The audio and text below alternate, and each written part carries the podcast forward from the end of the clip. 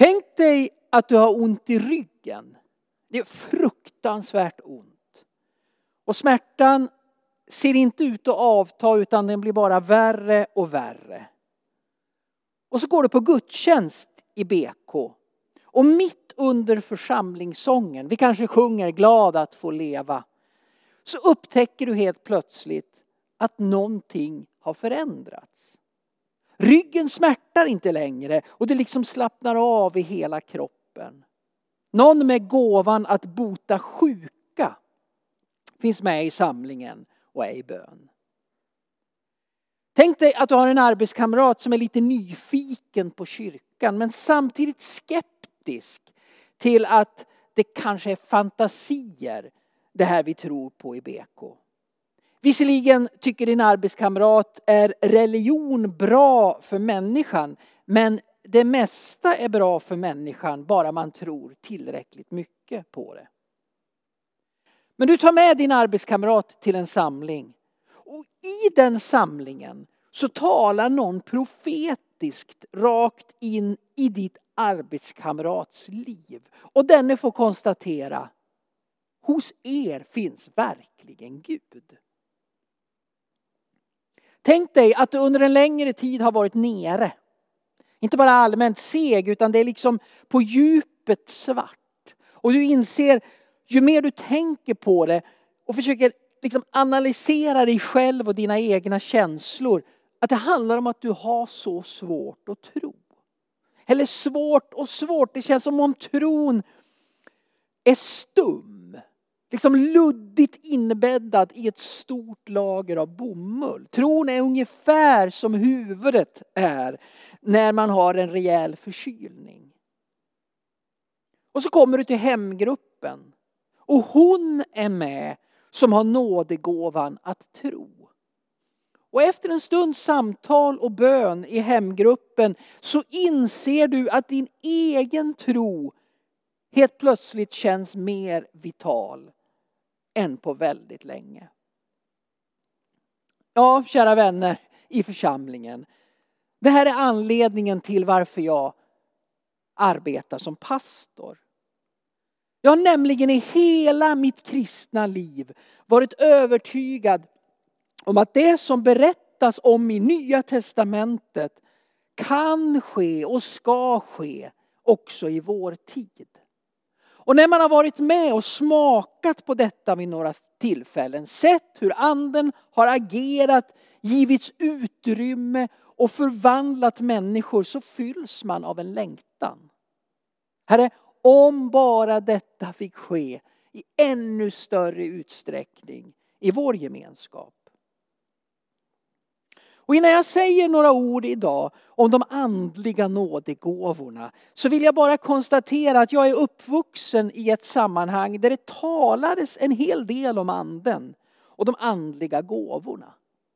Och jag har märkt att hos väldigt många kristna så glimmar det liksom till av mystik i blicken när man talar om de andliga nådegåvorna. Några tänker direkt, det där är inte för mig. Det är för någon annan. Men Bibelns undervisning är varken liksom glimmande, mystisk eller någonting som det handlar om för bara några få. Nej, Bibelns undervisning är tydlig med att detta gäller oss alla och är det mest naturliga av allt. Och jag vill läsa igen ifrån Joel. Några verser ifrån profetian som är omöjliga att komma förbi när vi talar om anden. Joel kapitel 2, vers 28. Och det ska därefter ske att jag ska utgjuta min ande över allt kött. Och era söner och era döttrar ska profetera. Era gamla män ska ha drömmar. Era ynglingar ska se syner. Också över de som är tjänare och tjänarinnor ska jag i de dagarna utgjuta min ande. Och som jag tidigare har sagt så hade Gud i gamla testamentet sin utarbetade modell för hur Gud talade till och ledde folket. Det var genom att anden talade till någon slags ledare eller dylikt. En kung, en profet, en domare och så talade denne i sin tur till folket. Men så byter Gud bostad mellan gamla och nya testamentet. Gud bor inte längre i helgedomen utan i människors hjärtan. Den som tar emot Jesus blir också döpt i helig ande, fylld av helig ande. Ja, Gud genom anden bosätter sig i oss. Och att bli fylld av den helige ande är alltså någonting som gäller alla kristna. Här gäller inte några speciellt utvalda personer, här har alla plats. Och den här profetian ifrån Joel, den fick vänta i över 300 år innan den blev uppfylld på pingstdagen. Men nu lever vi i den tiden. Gåvor. Vad är det som definierar en gåva? Ja, Wikipedia, som ju inte alltid är hundraprocentigt pålitbart, men Wikipedia säger så här, en gåva eller donation är något som en person, donator, överlåter till någon annans ägo utan att ta betalt eller kräva en ersättning. Ja, det anden ger oss. Det är någonting som kommer helt utan motprestationskrav och helt utan kostnad. Det är därför det kallas för en gåva. En andlig gåva. Och vi säger ibland en andlig nådegåva. En gåva given oss enbart av nåd. Och det här är någonting som har getts oss i frälsningen. Och jag tycker att det är viktigt att betona detta en gång till. Alla har fått det, det är en gåva. Här kan ju därför inte en enda av oss göra sig liksom stor eller märkvärdig. Ingen får andens gåvor för sin egen upphöjelses skull. Utan vi får dem för Guds rikes skull. Vi vet inte vad som händer när anden fyller oss. Men när anden kommer till oss så händer det alltid någonting. Och jag har tidigare i den här bibelstudieserien läst berättelsen ur Apostlagärningarna 8 från Samariens huvudstad. Det fanns en trollkarl som hette Simon. Och han utförde trollkonster som fick folket i stan att häpna. Och så kommer Filippos till stan. Och Filippos han talar i andens kraft. Men Filippos har också fått den andliga nådegåvan att be för sjuka. Så Filippus han ber för människor och det, det sker en rad under i stan. Många lytta och lama botades står det och det blev stor glädje i stan. Filippos han drev också ut onda andar ur besatta. Och som en följd av de här underverken så kommer ganska många i stan till tro och en av dem som kommer till tro är trollkaren Simon. Han låter döpa sig och han viker inte ifrån Filippos sida. Allt det här som då händer i Samariens huvudstad låter liksom höra om sig. Ryktena sprids i kyrkan. Ryktena sprids ända till Jerusalem. Och kyrkan där sänder då iväg Petrus och Johannes för att se vad som egentligen händer i Samariens huvudstad. De kommer dit. De ber för dem som finns i församlingen och de förmedlar helig ande, står det. Och när Simon ser att anden förmedlas genom apostlarnas handpåläggning så erbjuder han dem pengar. Och så säger han, Apostlagärningarna 8 och 19. Ge denna makt åt mig också. Så att den jag lägger mina händer på får helig ande. Men Petrus svarade förbannelse över dig och dina pengar. Om du tror att du kan köpa Guds gåva. Du tror att du kan köpa Guds gåva. En gåva som är ifrån Gud, den helige ande, som en gåva. Här hjälper inga pengar, det förstår vi. Men här hjälper inte heller några mänskliga ansträngningar. Inga bönenätter, inga fasteperioder, när ingenting vi kan göra påverkar denna gåva. Det enda vi kan göra det är att ta emot eller förkasta gåvan. Att använda det vi har fått eller låta den ligga i träda. Och jag har många gånger förut berättat om första gången när jag fick förmedla ord ifrån Gud. Och jag var nio år gammal. Och det hände hemma i pingsförsamlingen. Vi hade bön klockan tio på söndagen. Sen åt vi en liten frukt och så väntade vi in gudstjänsten som börjar klockan elva. Längst nere i vår kyrka satt den här förmiddagen ett par som för första gången någonsin besökte en av våra gudstjänster. De var på rehabilitering på kurhemmet i Alfta. Och så helt plötsligt i den där pausen innan gudstjänsten hade kommit igång så utbrister då det nioåriga jag högt och tydligt. Så säger Herren, ett plus ett är lika med ett. Och min vårpastor han var inte så glad över det här utbrottet från min sida. Och han sa till mig, sånt där leker man inte med. Det är ingenting att leka med, sa han. Men paret som satt längst bak i kyrksalen, de hade stora problem i sitt äktenskap. Och de funderade på skilsmässa. Och innan de gick till gudstjänsten den morgonen hade de bett Gud på sitt rum på kurhemmet i Alfta om Guds ledning och sagt till Gud, du får en chans till. Låt någonting i gudstjänsten tala till oss. Och så kommer den lilla grabben, nio år gammal, innan gudstjänsten ens hade börjat och häver ur sig det som för dem är en klockren hälsning direkt ifrån Gud. Så säger Herren, ett plus ett är lika med ett. Jag har hört många profetior. Jag har inte själv framfört så jättemånga. Och många av profetiorna har varit klockrena, en del har varit totalt galna. Klassisk är ju den här humor i helgade hyddor berättelsen. Där då den ena gudstjänstbesökaren reser sig upp och profeterar. Så säger Herren och så har han en profetia. Och så kommer budskapet. Men den andra gudstjänstbesökaren han är inte riktigt nöjd med budskapet så han reser sig upp. Så säger jag inte alls det, säger Herren eller han som själv profeterar.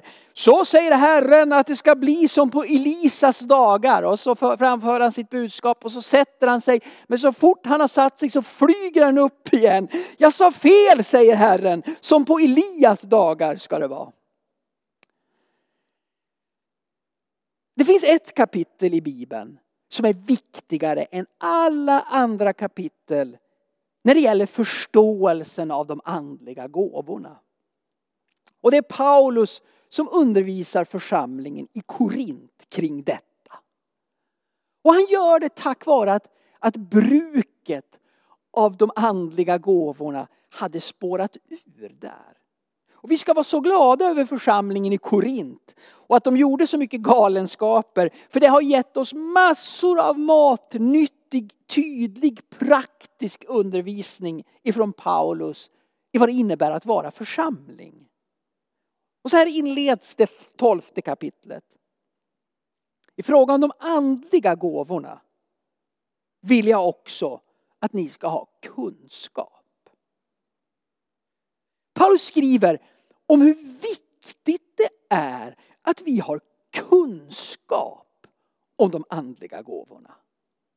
Ja, kunskap, det är viktigt för att vi inte ska hamna fel. Vi kan liksom inte gå på känsla bara när det gäller det här. Vi lär oss matematik i skolan, för utan den skulle inte en enda av oss klara av enkel hushållsekonomi. Än mindre förstå sig på räntan till huslånet. Man skulle helt enkelt inte ha koll. Man kan inte gå på känsla när det gäller huslånet.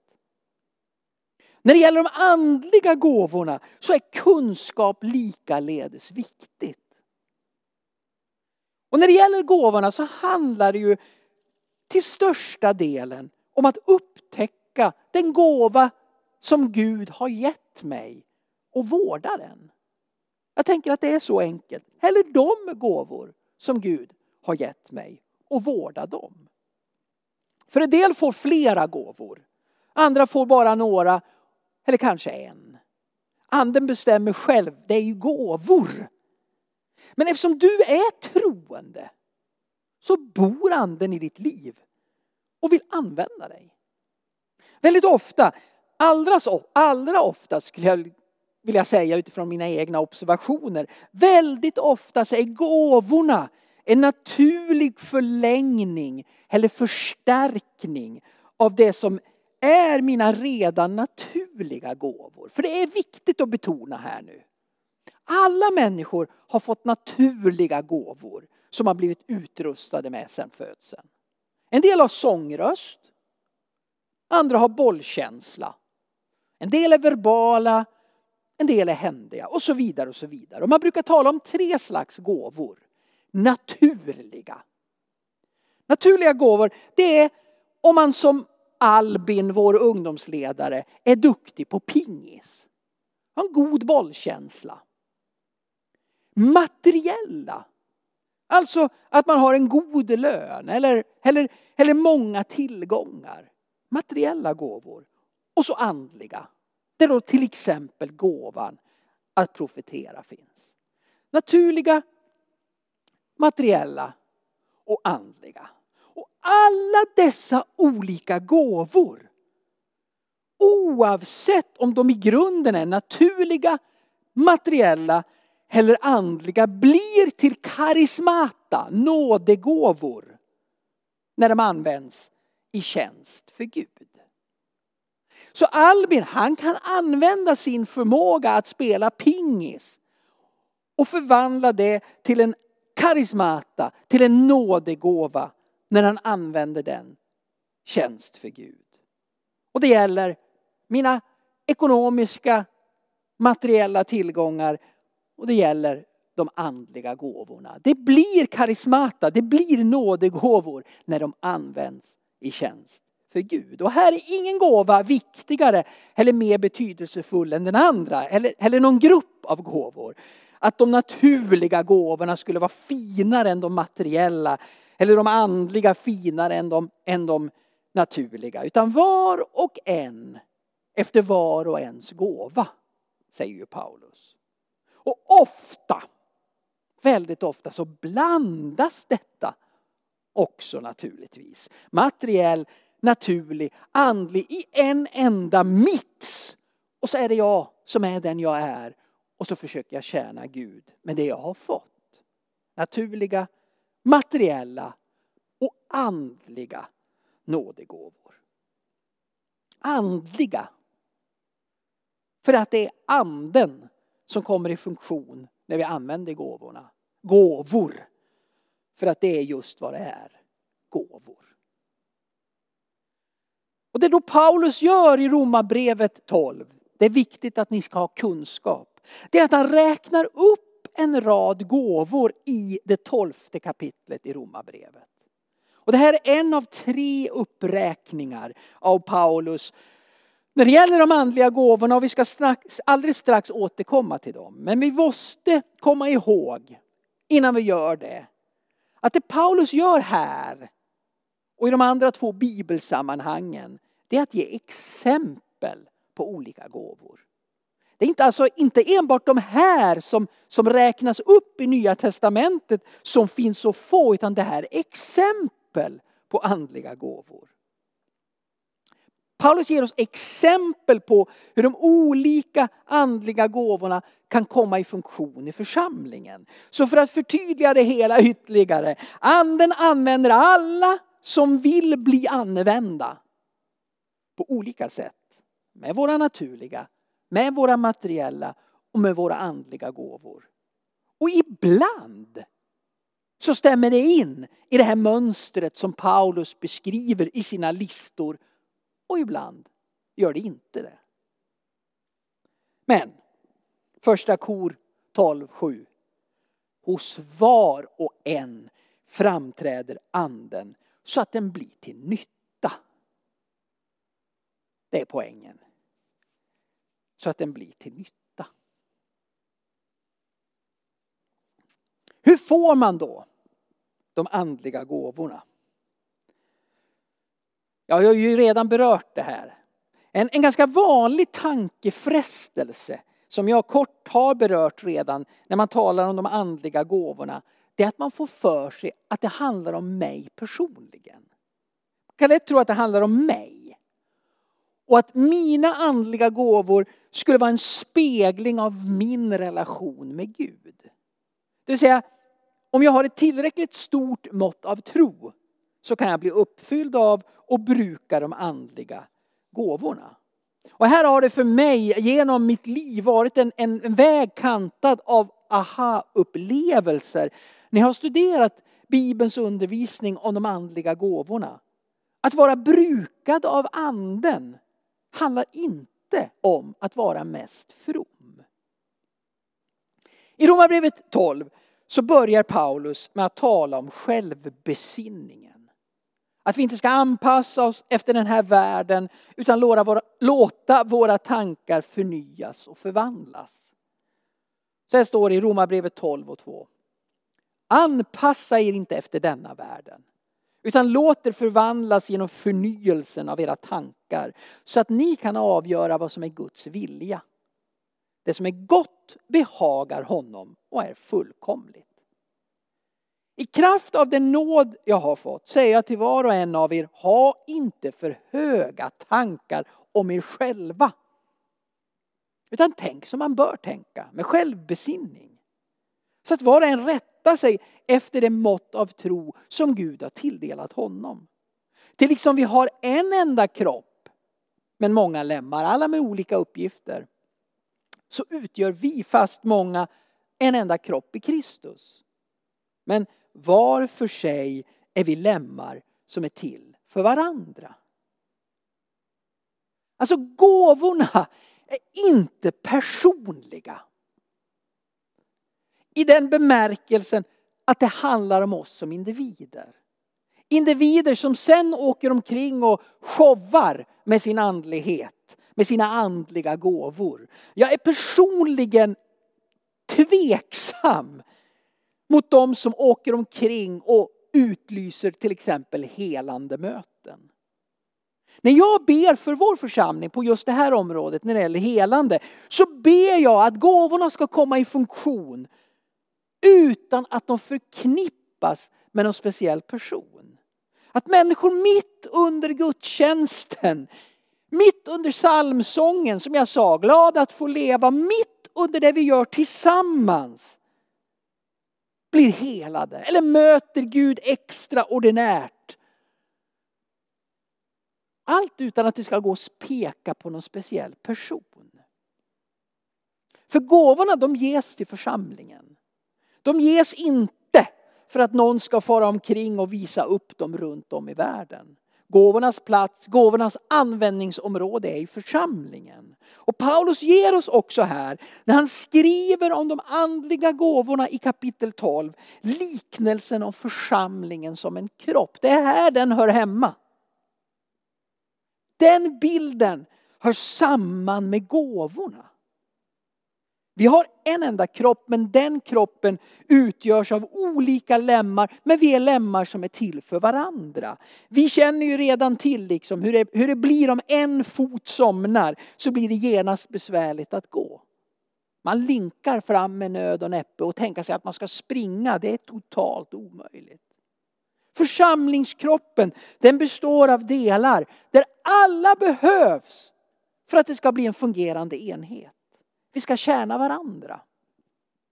Och Guds tanke det är att gåvorna han ger oss ska vara i funktion i församlingen. Detta är Guds gåva till församlingen. Och det är i det här kollektivet, den här omgivningen som vi är satta att bruka våra gåvor.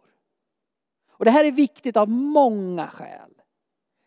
Dels ger ju oss gemenskapen en trygghet som gör att vi rent mänskligt vågar börja använda våra gåvor. Alltså i en miljö där vi är trygga blir vi inte rädda för att göra bort oss lite grann. Jag är personligen en urusel sångare. Och jag skulle nog aldrig få för mig att sjunga offentligt. Och även om en av ljudteknikerna lämnade på min trådlösa mygga under församlingssången under första adventsgudstjänsten för ett par år sedan. Men jag har svårt, både med ton och med takt. Att sjunga det är inte min naturliga gåva. Men för att tydliggöra poängen med tryggheten så kan det ibland hända att jag sjunger. För mina barn. När jag är ensam med min fru så kan jag ibland visksjunga den här Stevie Wonders You are the sunshine of my life rakt in i hennes öra. För där, i vår lilla gemenskap, där är jag trygg och det gör det ju ingenting om jag gör bort mig. Jag har en god vän med det vi skulle säga har en mycket stark profetisk gåva.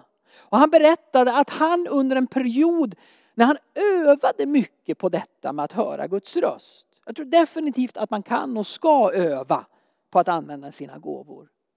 Och hur som, under en av dessa övningar så fick han då ordet ostbåge. Han bad för en person, han fick ordet ostbåge. Och han kände att han ville dela den här hälsningen ifrån Gud. Och han delade ordet ostbåge och alla i rummet började skratta. Det var totalt galet. Nej, ostbåge det var nog ingen hälsning från Gud. Men eftersom gemenskapen var så trygg så fortsätter min vän att öva. Och han är idag som jag sa en man som ofta får hälsningar ifrån Gud. Men allt kunde ha tagit slut redan där vid ostbågen om han inte hade känt sig trygg i gemenskapen. En annan fördel med att tänka att gåvorna är för församlingen och inte till mig personligen, det är att vi är många. Bilden på kroppen. En av oss behöver inte ha alla gåvor. Jag tror att vi kan slappna av och vi kan fokusera på den gåva vi känner att vi vill ha. Andra får sjunga. Jag får ägna mig åt mitt. Nu ska ni få upp en lista på skärmen på de andliga gåvorna som Paulus som exempel räknar upp i de tre bibelsammanhang där han skriver om de andliga gåvorna. jag tänker att vi ska titta på de här en liten stund. Och behöver du mer tid, det är ju fördelen med att allting händer på Youtube. Behöver du mer tid så är det bara att pausa och så titta på den här skärmen.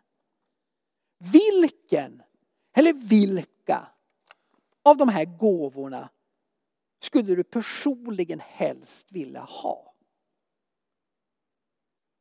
För jag tror nämligen att dragningen till och längtan efter vissa gåvor är rätt talande. När vi ser det så tänker jag, men det där skulle jag vilja. Det berättar ganska mycket, tror jag, om vilka gåvor vi också har fått. Eller som Gud tänker att vi ska vara i funktion i. Så vilken av dessa gåvor skulle du personligen helst vilja ha?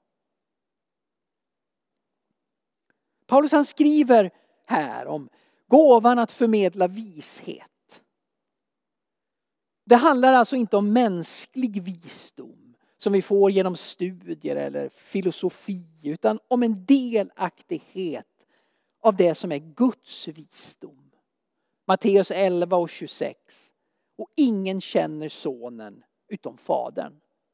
Och ingen känner fadern utom sonen och den som sonen vill uppenbara honom för. Gåvan att förmedla budskap, kunskap skriver Paulus om. Ja, kunskap den kan man ju förskansa sig på olika sätt. Men Paulus han talar om en slags högre kunskap. Det handlar om att förmedla övernaturlig kunskap. Som när Petrus i Apostlagärningarna 5 avslöjar Ananias och Sapfeira. I första Korinthierbrevet 12 och 9 står det. En får tron genom anden. En annan genom an, samma ande gåvan att bota. Trons gåva. Trons gåva har dessa människor som har en fast förankring i Gud som möjligheternas Gud. Tron som också har med kunskap att göra. Det innebär att om min kunskap om Gud växer så växer också min tro. Och som du redan märker på den här lilla korta genomgången av några av gåvorna så är det inte så alltid så enkelt att skilja gåvorna ifrån varandra. Vishet, kunskap, tro, ja det hänger liksom ihop. Det går inte alltid att distinkt särskilja dem. Gåvan att bota skrev Paulus om. Och det här är en gåva som låter församlingen fortsätta Jesu gärningar i Nya Testamentet in i församlingens tid. Och en viktig och en central del av Jesu verksamhet, det var ju att bota sjuka. Första kor 12 och 10. En annan får kraft att göra under, skriver Paulus. En får förmågan att tala profetiskt. En annan att skilja mellan tungotal. Skilja mellan olika andar. En kan tala olika slags tungotal. En annan kan tolka tungotal. Gåvan att utföra under, ja. På grekiska står det kraft, dynamis. Och detta för tankarna till dynamit va? och någonting som är explosivt. Den här gåvan eller kraften den betecknar en övernaturlig kraft till att utföra det som annars mänskligt sett är omöjligt. Pang kan det säga. Gåvan att skilja mellan andar. Och jag tror personligen att detta är en av de allra viktigaste gåvorna i vår tid. Eftersom djävulen alltid har varit en imitatör så är den här gåvan speciellt viktig. Den onde försöker använda mänskliga redskap för att få det som är falskt att verka äkta. Gåvan att skilja mellan andar, den handlar om att avslöja det falska. Allt är inte guld som glimmar. I första Johannes 4, vers 1. Mina kära, sätt inte tro till alla andar, utan pröva om de kommer från Gud. Ty många falska profeter har gått ut i världen. Så kan ni se vilken ande som är Guds. Profetisk gåva. Ja, eftersom Paulus lägger särskild vikt vid den profetiska gåvan kanske också vi ska göra det. Det profetiska innebär bland annat att man kan avslöja det som kommer att ske. Och traditionellt då så har jag ju redan sagt några gånger i inledningen av det här bibelstudiet orden Så säger Herren. Och traditionellt där jag har vuxit upp så, så var det så man ofta inledde en profetia. Så säger Herren. Personligen så föredrar jag och uppmuntrar jag människor till att inte säga så säger Herren utan istället inleda det hela med jag tror att jag kanske har fått en hälsning från Gud. Det låter betydligt mer ödmjukt och det är också betydligt enklare att ta emot, att pröva. För man kan ju aldrig vara säker på att orden man förmedlar faktiskt är från Gud. Det kan ju vara ostbåge. Men det kan också vara ett plus ett är lika med ett, säger Herren. Som sen kan vara helt för, livsförvandlande för människor. Men jag kan inte vara säker. Så lite ödmjukhet. Jag tror att jag har fått en hälsning från Gud. För ett av syftena med det profetiska det är att det ska vara uppbyggande för församlingen. Det ska bygga upp församlingen.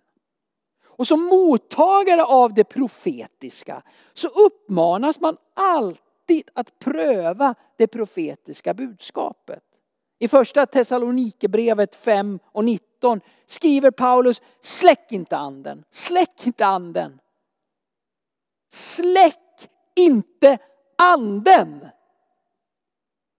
Förakta inga profetior, förakta inga profetior, men pröva allt. Ta vara på det som är bra.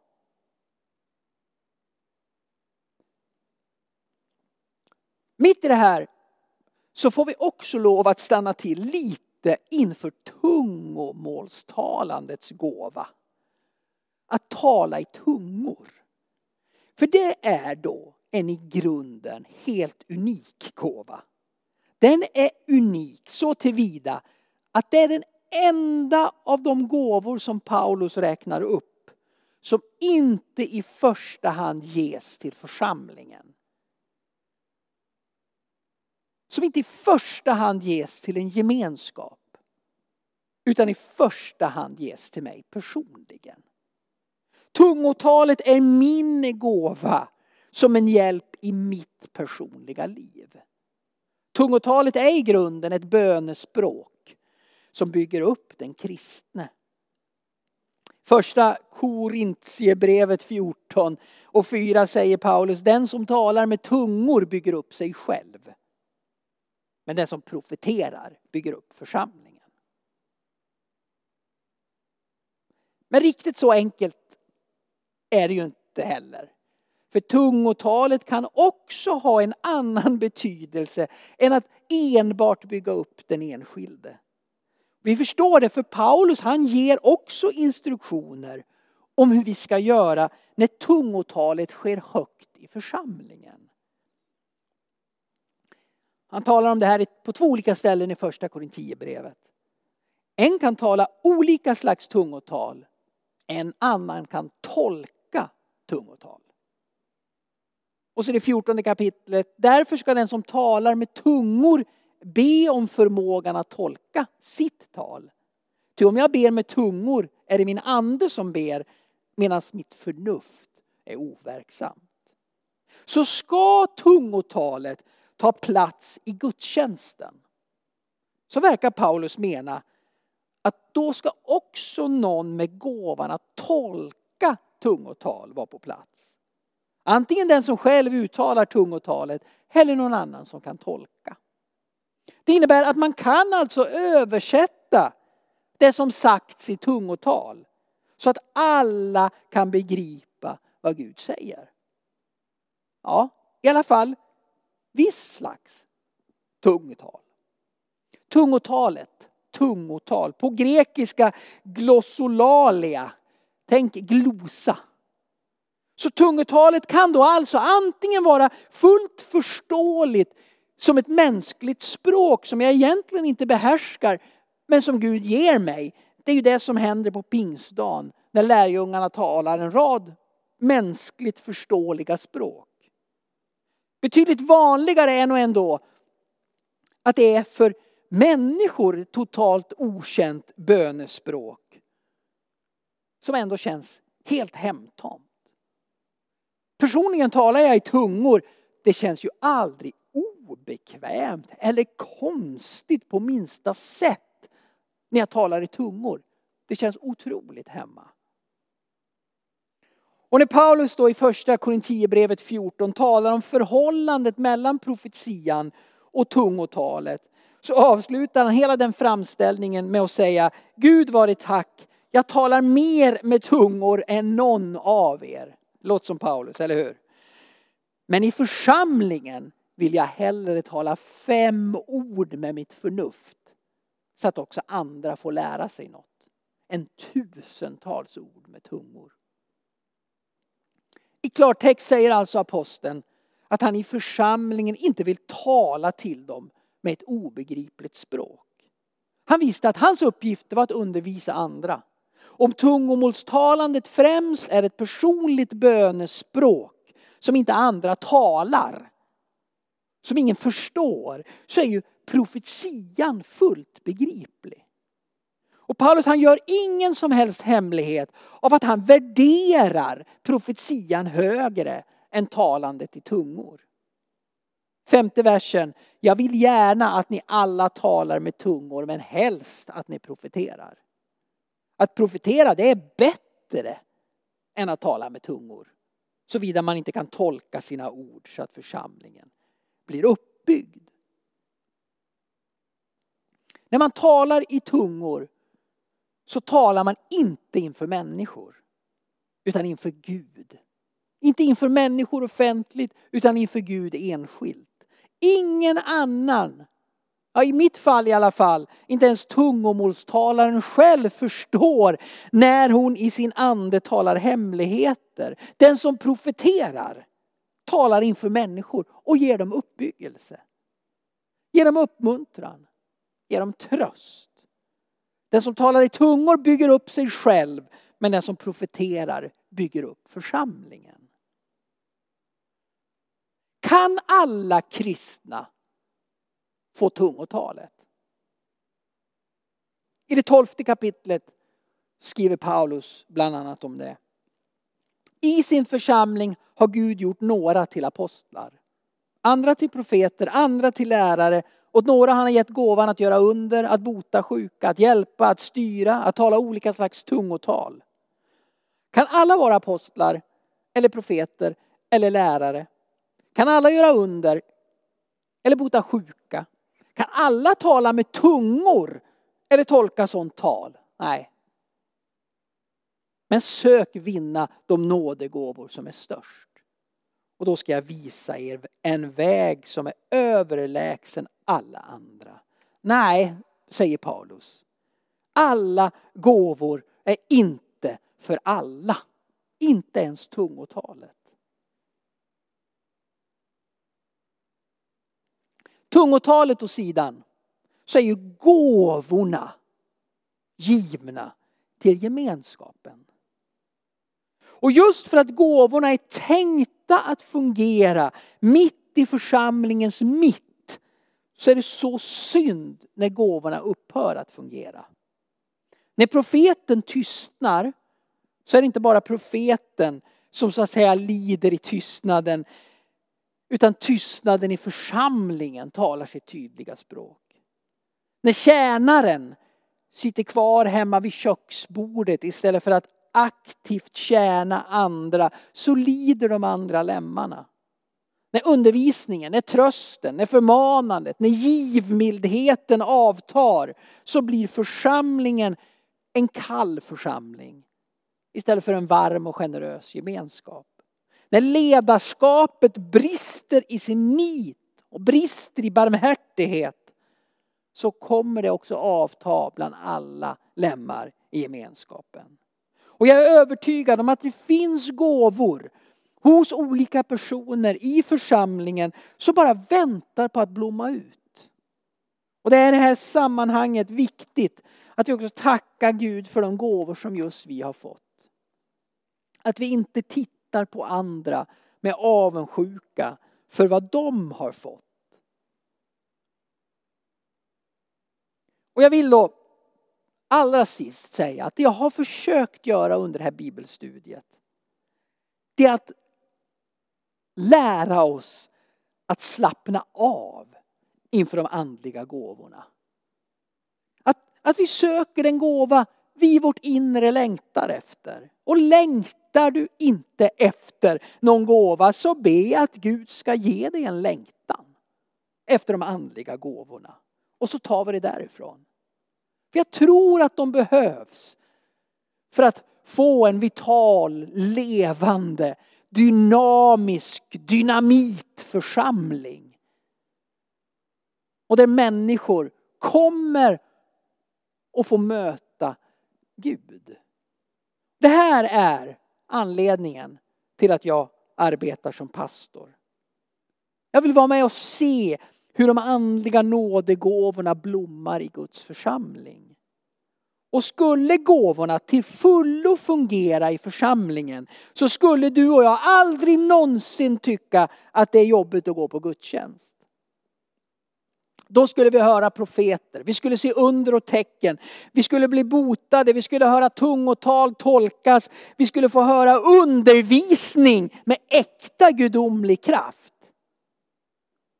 Och anledningen till att jag arbetar med pastor, som pastor, det är att jag vill vara med.